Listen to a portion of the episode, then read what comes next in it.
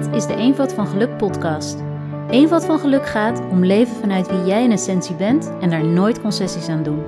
Ik ben Barbara Steenvoorde en ik help en inspireer je jouw hart en ziel te volgen op alle vlakken van het leven. Ook in de moeilijkere momenten. Dat vraagt keuzes en verantwoordelijkheid nemen voor wie jij bent. Alles voor die eenvoud van geluk en het leven naar de kern van wie wij zijn ontdek je in deze podcast.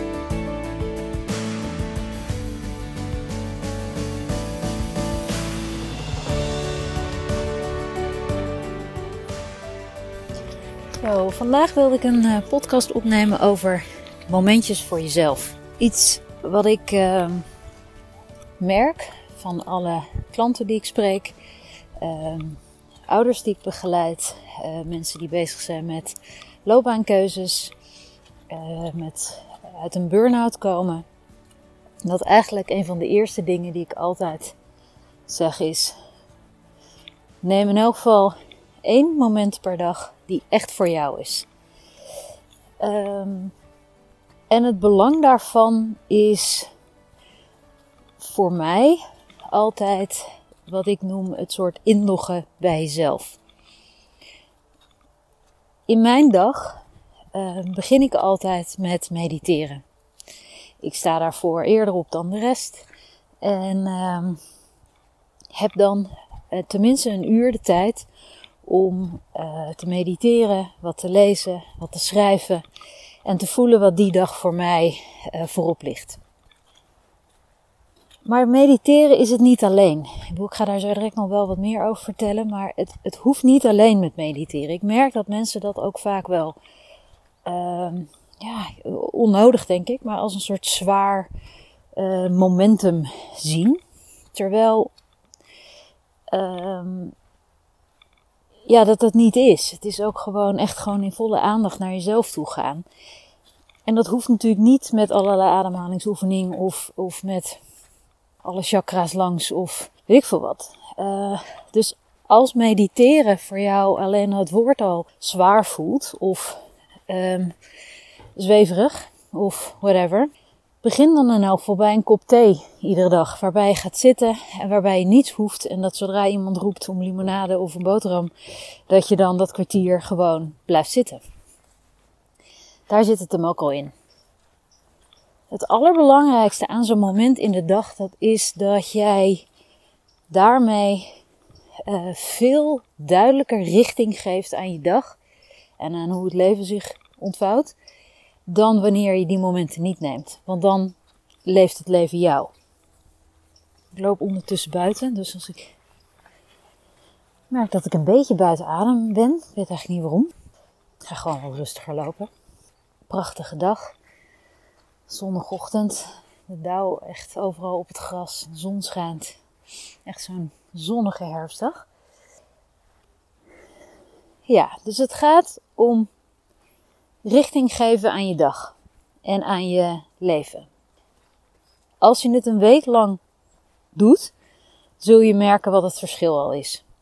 Dus het is niet zo dat het eindeloos eh, twee jaar mediteren vraagt voordat je daar bent, voordat je dat gaat ervaren.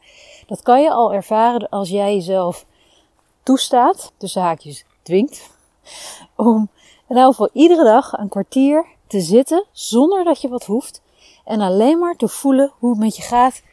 En dat je daar in volle concentratie voor jezelf bent. Aanwezig voor jezelf. Zo aanwezig als een vriendin die met volle aandacht naar je luistert. Dat kan ook al heel prettig zijn. Dat iemand volledig aandachtig voor jou er is en zegt: vertel eens. Zonder dat wat aan de hand hoeft te zijn, maar gewoon vraagt: vertel eens, hoe is het met jou? Zo aandachtig ook met jezelf zijn, een kwartier lang. Als je dat een week doet, ga je echt het verschil al merken. Maar ik merk dus dat voor veel mensen het dus best wel lastig is om dat op te brengen. Omdat, um, ja, als je niet weet wat, hoe fijn dat is, hoeveel effect dat heeft, um, dat dat fijne hem niet zit in die 15 minuten, maar in de rest van je hele dag, dan ja, is het lastig uitleggen. Dus daarom zou ik je willen uitnodigen om in elk geval daar te beginnen.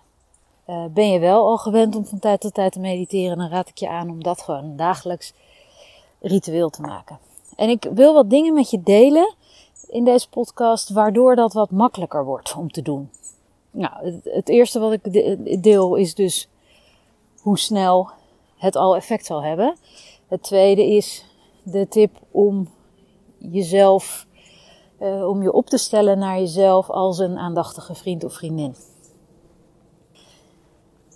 Ik weet nog dat ik baby had, eerste baby, twee maanden oud, en ik was totaal overweldigd door hoe mijn dag volledig werd opgeslokt door dat kleine mensje.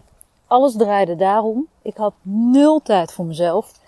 Ik was constant alleen maar bezig met luiers, voeden, verschonen, badje, uh, huilen.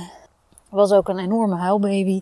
Dus er was nul tijd voor mij. En als hij dan even sliep, dan moest ik snel de was doen en moest ik eten maken voor mezelf. En um, ik was volledig mezelf kwijt.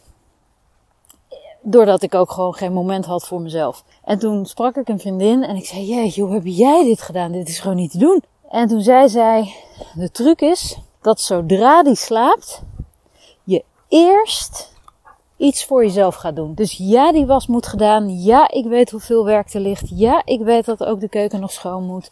Ja, het is onwijs veel. Ze maar dat ga je niet volhouden de komende maanden. Als je niet iedere keer als hij slaapt, eerst iets voor jezelf doet. Al is het maar vijf minuten. En dat moment kan ik me zo goed herinneren nog. En daarom weet ik ook hoe uh, lastig het soms is als je mij hoort zeggen van joh, neem eerst een moment voor jezelf. Zorg dat je altijd één moment op de dag hebt. Want toen zij dat zei, dacht ik ook, je bent niet goed bij je hoofd joh. Ik zit je net te vertellen dat ik nul tijd voor mezelf heb. En wat zeg jij, neem tijd voor jezelf. Ja, dat gaat dus niet. En, maar ze zei het zo stellig dat ik dacht, ja, weet je, uh, zij heeft dit een jaar geleden gehad. Laat ik maar eens luisteren, want zo doorgaan, dat vond ik ook een belangrijk argument. Zo doorgaan is geen optie. Want ik lag er helemaal vanaf. Ik denk, dit ga ik inderdaad niet nog een half jaar voorhouden. En vanaf dat moment ben ik iedere keer als hij sliep, tenminste vijf minuten iets voor mezelf gaan doen. En soms was dat maar één bladzijde in een tijdschrift lezen. Soms was dat alleen maar een kopje koffie. Soms was dat dat ik gewoon even een, een vaasje bloemen uh, vulde. Maar het heeft een wereld van verschil gemaakt. En ik denk dat dat het moment ook is geweest dat ik nog meer besefte hoe belangrijk mediteren was voor mij. En dat, uh, dat deed ik al wel eens.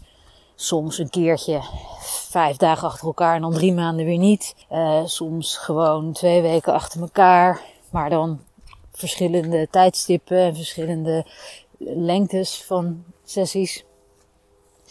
Maar door die vijf minuten, bloemetjes doen, tijdschriftje lezen enzovoort, besefte ik ook, ja, dit is dus ook de kracht van het mediteren. Want dit zijn allemaal kleine momentjes van terug naar mezelf. En ik heb gemerkt, en dat is eigenlijk ook als je helemaal afpelt, de basis van de, de, de, de allereerste stap in eenvoud van geluk is. Zorg voor dat momentje voor jezelf. Want daar keer je terug naar jezelf. En van daaruit ga je het leven ook doen. En leef jij dus je leven in plaats van dat je leven jou leeft. En ik heb dus ook gemerkt dat toen ik dat ging doen, in die intense babytijd, dat er echt, dat ik veel meer rust had. Want als ik dan overweldigd was door enorme poepluiers of, of gedoe of, of moeheid of, of nachtenlang uh, telkens weer eruit. Dan dacht ik, ja, er komt zo'n momentje dat zodra die wel slaapt, heb ik die vijf minuten voor mezelf. En zo kon ik het ook gewoon volhouden. Nou, ik sta nog het kind is inmiddels 15, dus uh, we did some good work there. Maar wat ik zeg, het gaat niet alleen over moederschap. Het gaat ook over als je benieuwd bent naar, goh, wat is er nou echt de bedoeling voor mij in mijn loopbaan? Waar ben ik voor op aarde? Of ik heb het ongelooflijk lastig in mijn relatie op dit moment. En ik weet gewoon niet of ik nou naar mijn hart aan het luisteren ben of naar mijn hoofd aan het luisteren ben. En dat je je misschien zorgen maakt over een kind en um, niet weet waar je goed aan doet. Alle antwoorden liggen uiteindelijk besloten in jou. En daarvoor moet je gewoon van tijd tot tijd terug kunnen naar jezelf. En ik wil een aantal dingen inderdaad met je delen om jou te motiveren en te helpen die momentjes te pakken. Want dat, dat is wat ik zeg. Ik merk dat heel veel mensen die ik spreek dat ongelooflijk lastig vinden. Zelfs mensen die geregeld mediteren toch zeggen, ja, maar ik doe het toch niet structureel. Of ik doe het wel structureel, maar ik gebruik het niet goed genoeg. Of, joh, uh, ik heb hartstikke ADHD. Wat vraag je eigenlijk van me? Joh, ik kan niet eens plannen. Laat staan dat ik een momentje prik om voor mezelf te hebben. Nou ja, hopelijk uh, wat ik tot nu toe heb gedeeld en wat ik uh, nu nog uh, aan tips voor je heb, uh, ga je daarbij bij helpen. feit is dat het uiteindelijk staat of valt met jouw keuze, maar mogelijk kan ik die keuze wat ondersteunen en een flink duwtje geven. Voor mij is de ochtend bij uitstek het beste moment om dat momentje voor mezelf te pakken. Omdat ik het uh, best makkelijk vind als iedereen ligt te slapen om dan gewoon echt de ruimte te nemen voor mezelf. En ik zie dat moment ook eigenlijk wel eens als, uh, ik vergelijk het wel eens met een, uh, als je je Google Maps of zo, of Waze aanzet. Het moment dat je vertrekt, je hebt een afspraak ergens en je stapt in de auto en voordat je wegrijdt, toets je nog even het adres in waar je naartoe moet. En dan ga je rijden. En terwijl je aan het rijden bent, heb je constant, nou ja, de, de wetenschap. In je achterhoofd weet je, zodra ik het even niet meer weet waar ik naartoe moet, kijk ik eventjes op die uh, routebegeleider. En uh, nou, die, die navigatie die uh, stuurt mij wel naar de juiste plek. En op het moment dat ik daar aankom, weet ik, ja, ik ben geland, ik ben er. Voor mij is zo'n eerste moment in de dag dat ik gemediteerd heb en geschreven heb, gevoeld heb wat er op dat moment aan de orde is voor mij die dag is voor mij zoals die navigatie. Ik begin mijn dag met afstemmen waar ga ik naartoe. En daarvoor neem ik dus eventjes dat kleine momentje de tijd voordat ik gas geef om mijn navigatie uh, in te voeren. En dat is dus dat momentje, 10 minuten, kwartiertje, soms 20 minuten meditatie, waarin ik even helemaal naar mezelf terugkeer en dan pas gas geef. Dan kan ik de dag goed beginnen. En op het moment dat ik dan gas geef, de dag inga, uh, het ochtendritueel met ontbijt en uh, jongens om me heen en uh, nou, ik veel, alles wat de dag me brengt aan werk en aan gezin. Ik weet dat gedurende die dag, gedurende die reis, ik voortdurend contact hou met mijn navigatie, omdat ik weet dat ik die aan het begin van de dag goed heb afgesteld. Doe ik dat niet, ga ik aan het begin van de dag gewoon gas geven, mijn dag beginnen zonder meditatie, dan voelt het ook echt een beetje als een ongeleid projectiel. Ik doe maar wat. Ik weet zo ongeveer wel wat ik wil in mijn leven, ik weet zo ongeveer wel waar ik naartoe moet, maar het is, het is niet genavigeerd, het is niet focused, het is, ik probeer maar deze route, ik weet ongeveer waar ik naartoe wil, maar ik raak ook van tijd tot tijd wel echt van mijn pad af gedurende die dag. Laat ik me te snel afleiden? Laat ik, uh, ben ik gevoeliger voor mensen die wat van me willen? Ben ik gevoeliger voor gedoe? Voor dingen doen die ik eigenlijk niet belangrijk vind? Dingen die niet prioriteit zijn? Uh, als ik eigenlijk hartstikke moe ben, ga ik toch weer van alles doen voor andere mensen. Terwijl ik eigenlijk juist wanneer ik me aan het begin van de dag had afgesteld, de navigatie goed had uh, ingevoerd, dan zou ik veel makkelijker nee zeggen. Dus vergelijk dat momentje voor jezelf ook eens met die navigatie. Wees je bewust van het belang dat wanneer je iedere dag een beetje terugkeert naar jezelf, dat je veel beter je navigatie jou kan laten leiden. Want op het moment dat je dan even niet weet wat je met de situatie aan moet, dan kan je veel makkelijker even terug naar jezelf, omdat je weet dat je die ochtend daar nog was. En kun je even checken van ga ik goed? He, zoals je in de auto ook even kijkt op de navigatie van goh, oh ja, ik uh, moet hier naar links of hier naar rechts. Het is veel beter getuned. En het maakt het leven dus niet alleen in die 15 minuten, maar de hele dag veel, veel meer gefocust, gericht. Dus misschien helpt dat, de navigatie. Iets wat mensen me wel eens vragen is ook, uh, ja, jij doet dit ochtends, maar ik, uh, ik mediteer vaak s avonds. Um, is dat dan niet goed? Ja, het is sowieso goed als je het voor elkaar krijgt om een kwartier per dag voor jezelf te hebben. Uh, voor mij, en ik kan alleen maar persoonlijk spreken, ik mediteer ook eh, vaak wel twee keer op een dag, dus s'avonds ook. Maar voor mij is het s'avonds veel meer ontspanning. Veel meer, ik laat alles los en uh, ik hoef even niks. Dat is voor mij, als ik s'avonds in bed mediteer bijvoorbeeld, dan is dat een hele prettige manier om de nacht in te gaan. Maar dan is het veel, heeft het veel minder de functie van de gerichtheid aan mijn leven geven. Dan laat ik eerder los, dan ben ik niet zo bezig met wat, wat voor mij de bedoeling is. Terwijl als ik dat overdag doe, of dat nou s ochtends vroeg is of midden op de dag, dan heb je dus veel meer die functie van die navigator. Die, uh, dat afstemmen in jezelf, waardoor je op tal van momenten gedurende de dag voelt wat echt de juiste keuzes zijn voor jou. Dus maar nogmaals, ik kan daarin alleen voor mij persoonlijk spreken dat ik daar een groot verschil in zie. Ja, het is natuurlijk goed voor mij om s'avonds ook nog even bewust te ontspannen. Uh, bewust voor te bereiden op een, uh, nou, op, op de nacht. Maar dat kop thee of die meditatie is gedurende de ochtend of gedurende de, de dag, dag dat je wakker, goed wakker bent, een veel krachtiger moment om even naar jezelf toe te gaan uh, als je je bewust sturing wil geven aan je leven. En nou zijn er ook mensen die zeggen, nou, ik heb het idee dat ik wel goed sturing geef aan mijn leven. Ik heb de touwtjes in handen, ik weet wat ik wil, ik ben uh, goede leider van mijn uh, bedrijf, ik, ik run mijn gezin goed, ik, nou, ik heb het allemaal wel een snotje. En dan neem ik je even mee naar een gesprek. En dat kan zo zijn, hè? Maar ik ga je toch even meenemen naar een gesprek wat ik toevallig gisteren nog had. Wat ik eigenlijk wel illustratief vond voor, ja, hoe we, nou ja, hoe we onze keuzes maken. Ik stond op een, uh, een borrel met twee dames uit mijn omgeving. En we hadden het over hoeveel werk een tuin is. Ik heb zelf een moestuin en ook nog een tuin thuis.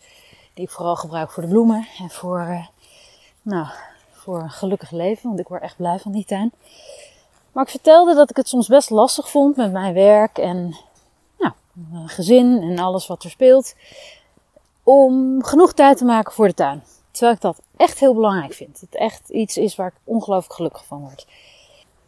En een van de dames met wie ik stond te praten, die zei, ja, dat herken ik. Het is ongelooflijk veel werk en uh, je hebt het eigenlijk nooit op orde. Uh, waarop uh, dame 2 en ik haar aankeken en zeiden, nou, als ik jouw tuin zo bekijk, die ziet er echt mega strak uit. Daar is er helemaal niks mis mee. Ja, maar je weet niet hoeveel werk het is. Ik zei, nou, dat weet ik dus wel. Maar toen dacht ik inderdaad van, jeetje, um, het leek alsof het bij haar moeiteloos ging. Maar zij, zij dwingt zichzelf dus uit bed om aan te pakken en, uh, enzovoort. Toen zei de andere dame, ja, nou, ik geloof dat het vooral belangrijk is dat je voelt wanneer je daar zin in hebt. En dat je dan lekker aan de slag gaat. En ik zei op mijn beurt van ja, um, ik heb gemerkt dat ik niet zo gelukkig werd van mezelf dwingen dat soort dingen te doen. Want dan, het is mijn hobby, ik vind het heerlijk. Maar op het moment dat ik eigenlijk daar geen ruimte voor voel en niet echt heel veel beweging voel, dan wordt het een moedje. En dan, dan, ja, dan verpest ik eigenlijk mijn eigen plezier. Want dat waar ik zo van hou, eh, maak ik dan een verplichting. En dat is niet helemaal de bedoeling. ik deelde op mijn beurt. Mijn manier is eigenlijk om gewoon te voelen hoeveel zin ik ergens in heb en het dan gewoon te doen en daarvoor durf, te durven kiezen. Iets anders wat ik heb besloten te doen, is ook iets wat ik eigenlijk geleerd heb van die vriendin die me ooit vertelde: neem eerst vijf minuten voor jezelf voordat je, uh, als je baby uh, slaapt. In het verlengde daarvan heb ik ooit besloten, vertelde ik ook aan deze dames, om voordat ik aan de slag ga in de tuin, op een dag, als ik denk, ja, ga lekker in de tuin, ik mezelf eerst vijf minuutjes, op zijn minst, het eerste momentje gun waarin ik geniet van die tuin. Het zou heel begrijpelijk zijn dat ik gewoon meteen aan de slag ga. Dat is ook wat de eerste dame zei van, oh nee, ik ga meteen aan de slag. En dan om een uur of half twaalf, dan ben ik meestal uh, klaar. En dan, uh, dan ga ik lekker zitten. Dan mag ik zitten. Toen dacht ik, ja, dat is dus wat ik anders ben gaan doen. Ik ga eerst lekker zitten. Zit met dat kopje koffie in de tuin. Kijk de tuin, tuin over. En terwijl ik dat kopje koffie drink, ontstaat automatisch de zin om wat te gaan doen. En dat is natuurlijk precies wat de tweede dame zei. Ja, je moet het doen vanuit een zin hebben in. En waar gaat je aandacht naartoe? En waar heb je, waar heb je behoefte aan? En ik vond dat zo'n grappig verschil tussen uh, en dat is eigenlijk waarom ik dit voorbeeld gebruik. Uh, als mensen zeggen, nou, ik heb, het, ik heb wel door wat ik wil en wat ik belangrijk vind. En ik heb, uh, wel, ben wel de leider van mijn bedrijf of van mijn gezin enzovoort. Ik heb dat soort momentjes niet nodig. terwijl ik denk dus dat je toch andere, liefdevollere, meer in verbinding staande keuzes maakt als je eerst hebt gecheckt bij jezelf wat is voor mij op dit moment het allerbelangrijkste? Want aan de buitenkant ziet het er misschien, zoals bij de eerste dame, super strak uit. Ik heb nog nooit een plukje onkruid gezien. En als ik het zag, dan dacht ik, god, dat is opvallend. En dan was het een uur later weg. bij de andere dame um, is het mooi dat ik haar tuin prachtig vind. Omdat die verwilderd is en er heel gezellig uitziet. En tegelijk gewoon een hele nette tuin is, maar wel wat natuurlijker, vol met bloemen. En uh, daar sloot deze dame het verhaal ook mee af. Ze er gebeurt vanzelf van alles moois in die tuin als je het soms gewoon maar laat. En toen dacht ik, ja, en dat is dus ook wat er gebeurt in je leven. Dat als jij kiest, eerst voor dat momentje rust, eerst voor dat momentje voor jezelf, van daaruit keuzes maakt en voelt waar je zin in hebt, dan gaat er vanzelf iets moois ontstaan. Misschien wat verwilderder, misschien wat natuurlijker, maar wel geleid door jou. En dan gaat zich vanzelf iets, nou, uh, aandienen, of gaat iets vanzelf iets ontstaan wat juist ongelooflijk mooi is. Ook al is het misschien niet strak in het gereel, compleet volgens de structuur enzovoort. Dus in dat kader, ook voor alle ADHD'ers onder ons, vertrouw erop dat als je dat, die 15 minuten voor jezelf neemt, dat ook jij precies de keuzes maakt die passen bij jou. En het dus niet enorm op orde hoeft te zijn. Als jouw chaos dat niet toestaat, het je gewoon niet lukt, weet dan in elk geval, ik laat me wel leiden door mijn gevoel. Door wat echt belangrijk is. En dat is de allerbelangrijkste waarde van dat momentje inloggen in jezelf, noem ik het altijd. Het grootste verschil is beslissingen op je hoofd versus beslissingen op je onderbuik of je hart. Heb ik niet dat momentje gehad op de dag, dan kan ik voelen dat alle beslissingen die ik neem toch grotendeels uit mijn hoofd komen. En dan voel ik, ah, dit is eigenlijk een soort, ja, ik zit tot te veel in mijn hoofd, maar het lukt me dan niet om af te dalen naar lager in mijn lijf en te voelen wat daar echt belangrijk is. Dus merk ik dat? Heb ik het overgeslagen? Volgens me zeker in het weekend nog wel eens heb ik die neiging nog wel eens. Dan heb ik niet altijd zin om te mediteren. Maar dan weet ik wel, ja, toch eerst even dat kopje koffie. Even een momentje voor mezelf. En dan uh, voel ik weer wat, uh, wat de bedoeling is. En dan laat ik me minder meeslepen met mijn gezin of met alles wat er gebeurt met emoties van anderen, humeur van anderen. Kan ik ook veel beter tegen. Ik kan er niet zo'n last van. Ik heb wel last van als ik niet dat momentje pak. En dan laat ik me meer raken. Ben ik gevoeliger. Vind ik het naar als iemand chagrijnig is. Terwijl heb ik gemediteerd. Dan denk ik, joh, ben jij maar lekker chagrijnig. Ik, uh, I'm oké. Dus misschien ook een goede reden om dat momentje gewoon te pakken. Als je hele chagrijnige mensen om je heen hebt van tijd tot tijd. Een um, ander belangrijk iets is, dan ga ik je helemaal stretchen. En dat is dat ik, geïnspireerd door die Artist Way, ik weet niet of je dat boek kent, maar als je op zoek bent naar wat is echt de bedoeling voor jou, wat is mijn, hè, mijn missie in het leven. Die Artist Way is een uh, boek geschreven door uh, Julia Cameron, die, zeg ik dat goed, Cameron? Ja. Um, die een boek heeft geschreven om jou terug te brengen naar jouw eigen kunstenaarschap. En ze hangt dat volledig uh, op aan mensen die inderdaad kunstenaar zijn, dus films maken of, of echt schilder zijn of schrijver zijn.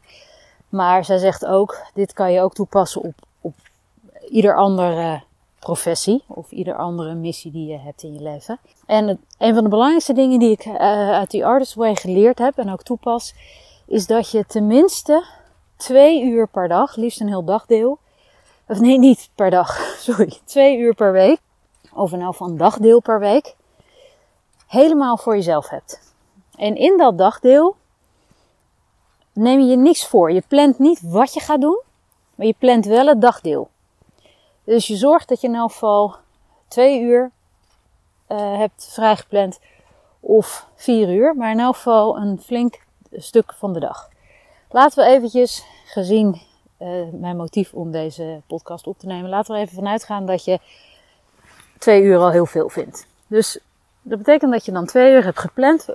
Vooraf weet jij die week wat je die twee uur gaat doen. En op het moment dat die twee uur er zijn, ga je voelen waar je zin in hebt. En dat kan zijn, nou, zoals ik, soms even gewoon lekker bloemen in huis gaan zetten. Dat kan zijn dat je naar een eh, kantoorboekhandel gaat en allemaal leuke notitieblokjes en pennetjes en stickertjes haalt. Dat kan zijn dat je naar een kerk gaat spontaan, kaarsje brandt. Dat kan zijn dat je een stuk gaat lopen in de natuur. Het kan zijn dat je naar een museum gaat en je voelt gewoon vooraf, ik heb nu twee uur helemaal voor mezelf. Waar heb ik nu zin in? En dat ga je doen. Het grappige is dat in die twee uur kom je zo dicht bij jezelf van waar je echt zin in hebt, dat je vanzelf inspiratie krijgt voor de rest van de week. Naarmate je dat vaker doet, steeds meer beseft hoe belangrijk het is om je eigen dingen te doen. Dus ga in je eentje naar de bioscoop. Uh, ga lekker een stapel tijdschriften kopen en ga gewoon met een pot thee op de bank zitten. Uh, zorg in elk geval dat wie er dan ook in jouw huis ook leeft, dat die weten dat dit jouw uren zijn. En dat je niet beschikbaar bent voor iets anders. Dus zorg met je partner ook dat jullie allebei zo'n moment in de week hebben. Je kan het voor jezelf vragen, maar als je vervolgens zegt van joh, maar het lijkt me voor jou ook een goed idee. Dan is het sowieso vaak veel makkelijker regelen om dat voor elkaar te krijgen van de ander dan uh, wanneer je er in je eentje uh, om vraagt. En het gevaar is dan natuurlijk dat je denkt, oh mooi, dan kan ik in dat uur even sporten. Of dan, oh dan, nou ja, dan ga ik, oh dan kan, heb ik eindelijk tijd om die zolder op te ruimen. Ja, check dan echt eventjes of je daar echt zin in hebt. En of dat een buik- uh, of hartbesluit is of een hoofdbesluit. Kans is groot namelijk dat dat meestal vanuit het hoofd is, dan heb ik daar mooi tijd voor. Dat is niet het goede argument om uh, die twee uur uh, mee in te vullen. Dus vul hem niet alvast in. Ga niet alvast van tevoren bepalen, oh ja, dan ga ik een stapel tijdschriften kopen. Als het op het moment dat die twee uur aanbreken of dat dagdeel aanbreekt, dat gevoel er nog steeds is dat je er zin in hebt, dan zou ik hem volgen. Maar plan hem niet alvast, vul hem niet alvast in vooraf. Zorg wel dat hij in je agenda staat. En dat is een andere tip die ik heb voor de, de momentjes voor jezelf. Zorg dat je, ja, ook de ADHD'ers, Zorg dat je voordat je de week begint, al die momentjes voor jezelf al hebt gepland. Dus kijk eens wat voor jou, laten we beginnen eventjes met uh, die, dat kwartiertje. Wat is voor jou het ideale moment om een kwartiertje voor jezelf te nemen? En het maakt dus niet uit of je dat mediterend doet of met een kop thee.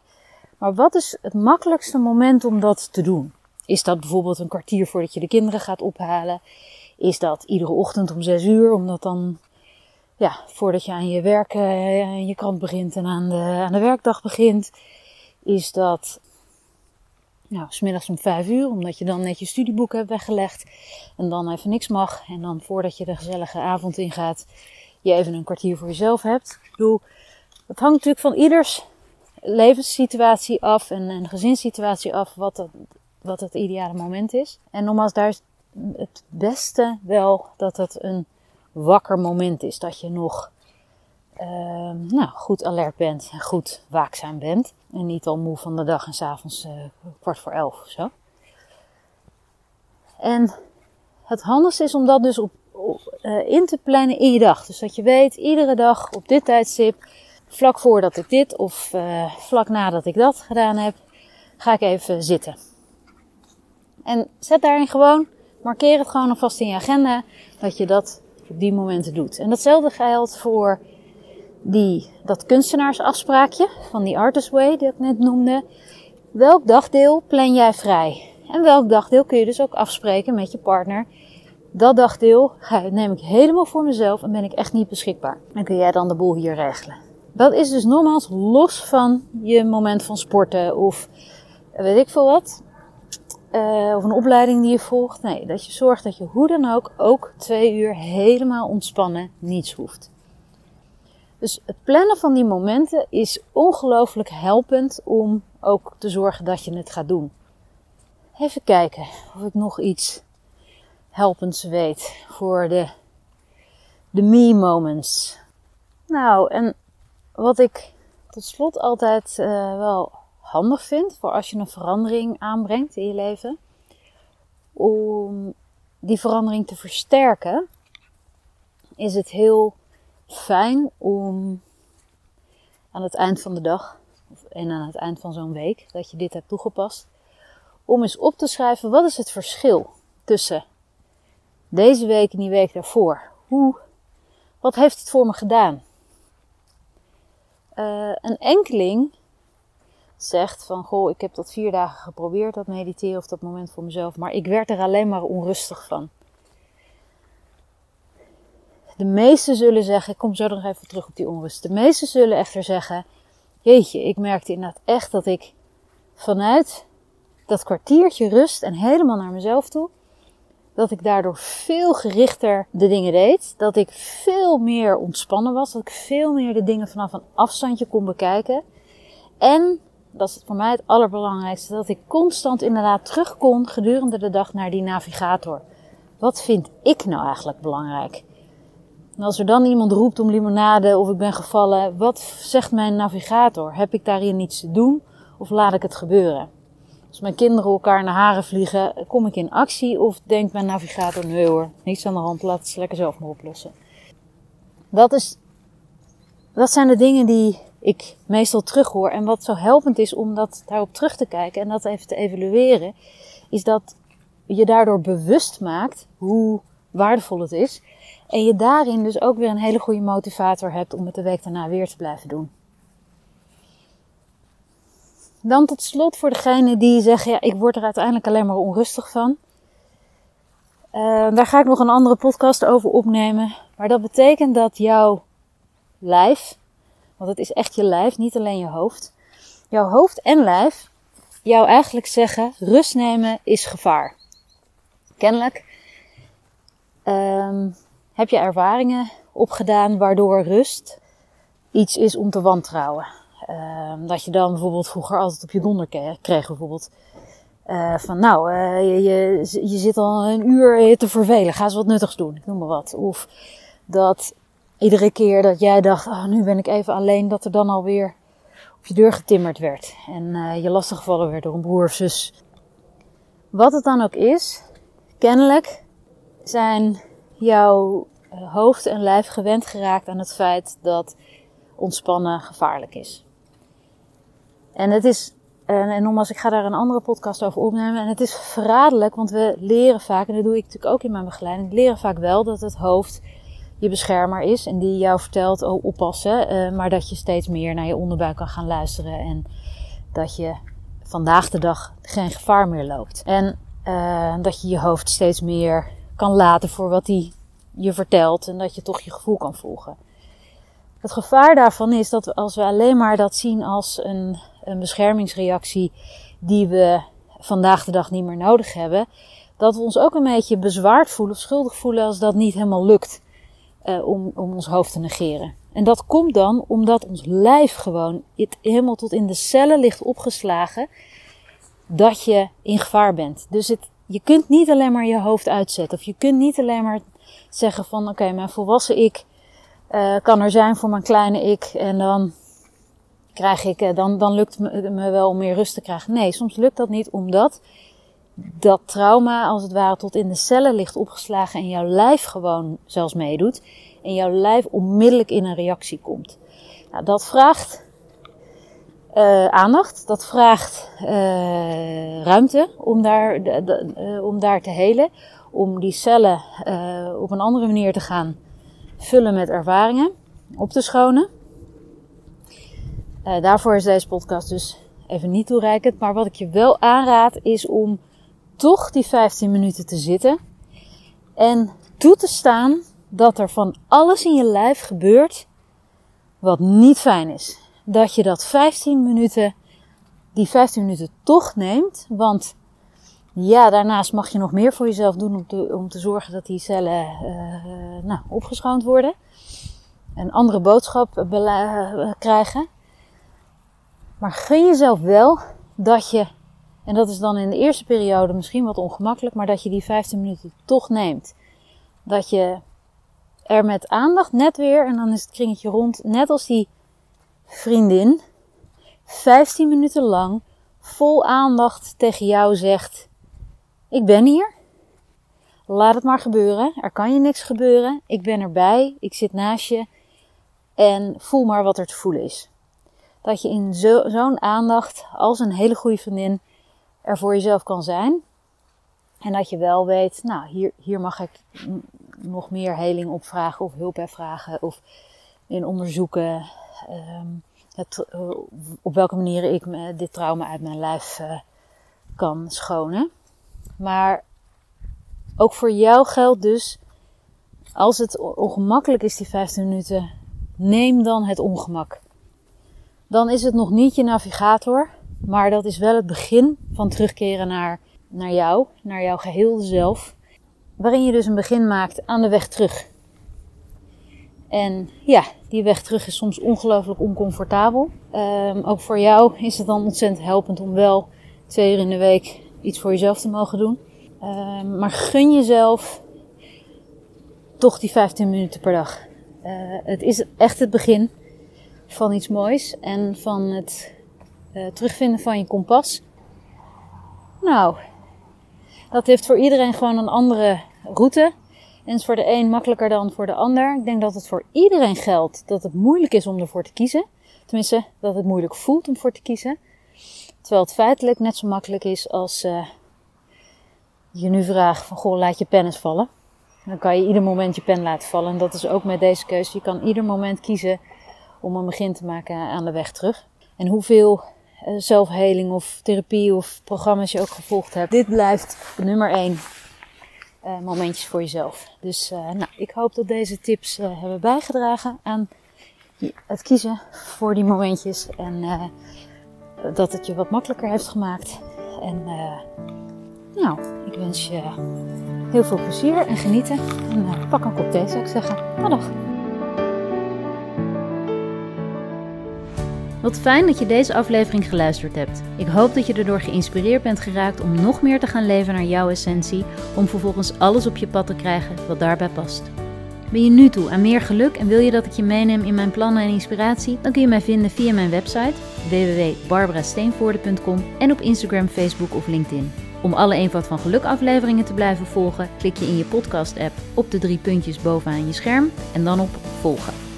Ik waardeer het heel erg als je mijn podcast deelt met anderen. En het allerleukste vind ik het om jouw persoonlijke verhaal te horen. Dus laat vooral weten wat deze aflevering jou aan inzicht of beweging bracht. En heb je heel concreet een vraag, een behoefte, een wens of een suggestie? Stuur mij dan een bericht via mijn website of Instagram. Tot de volgende aflevering. Tot nog meer geluk.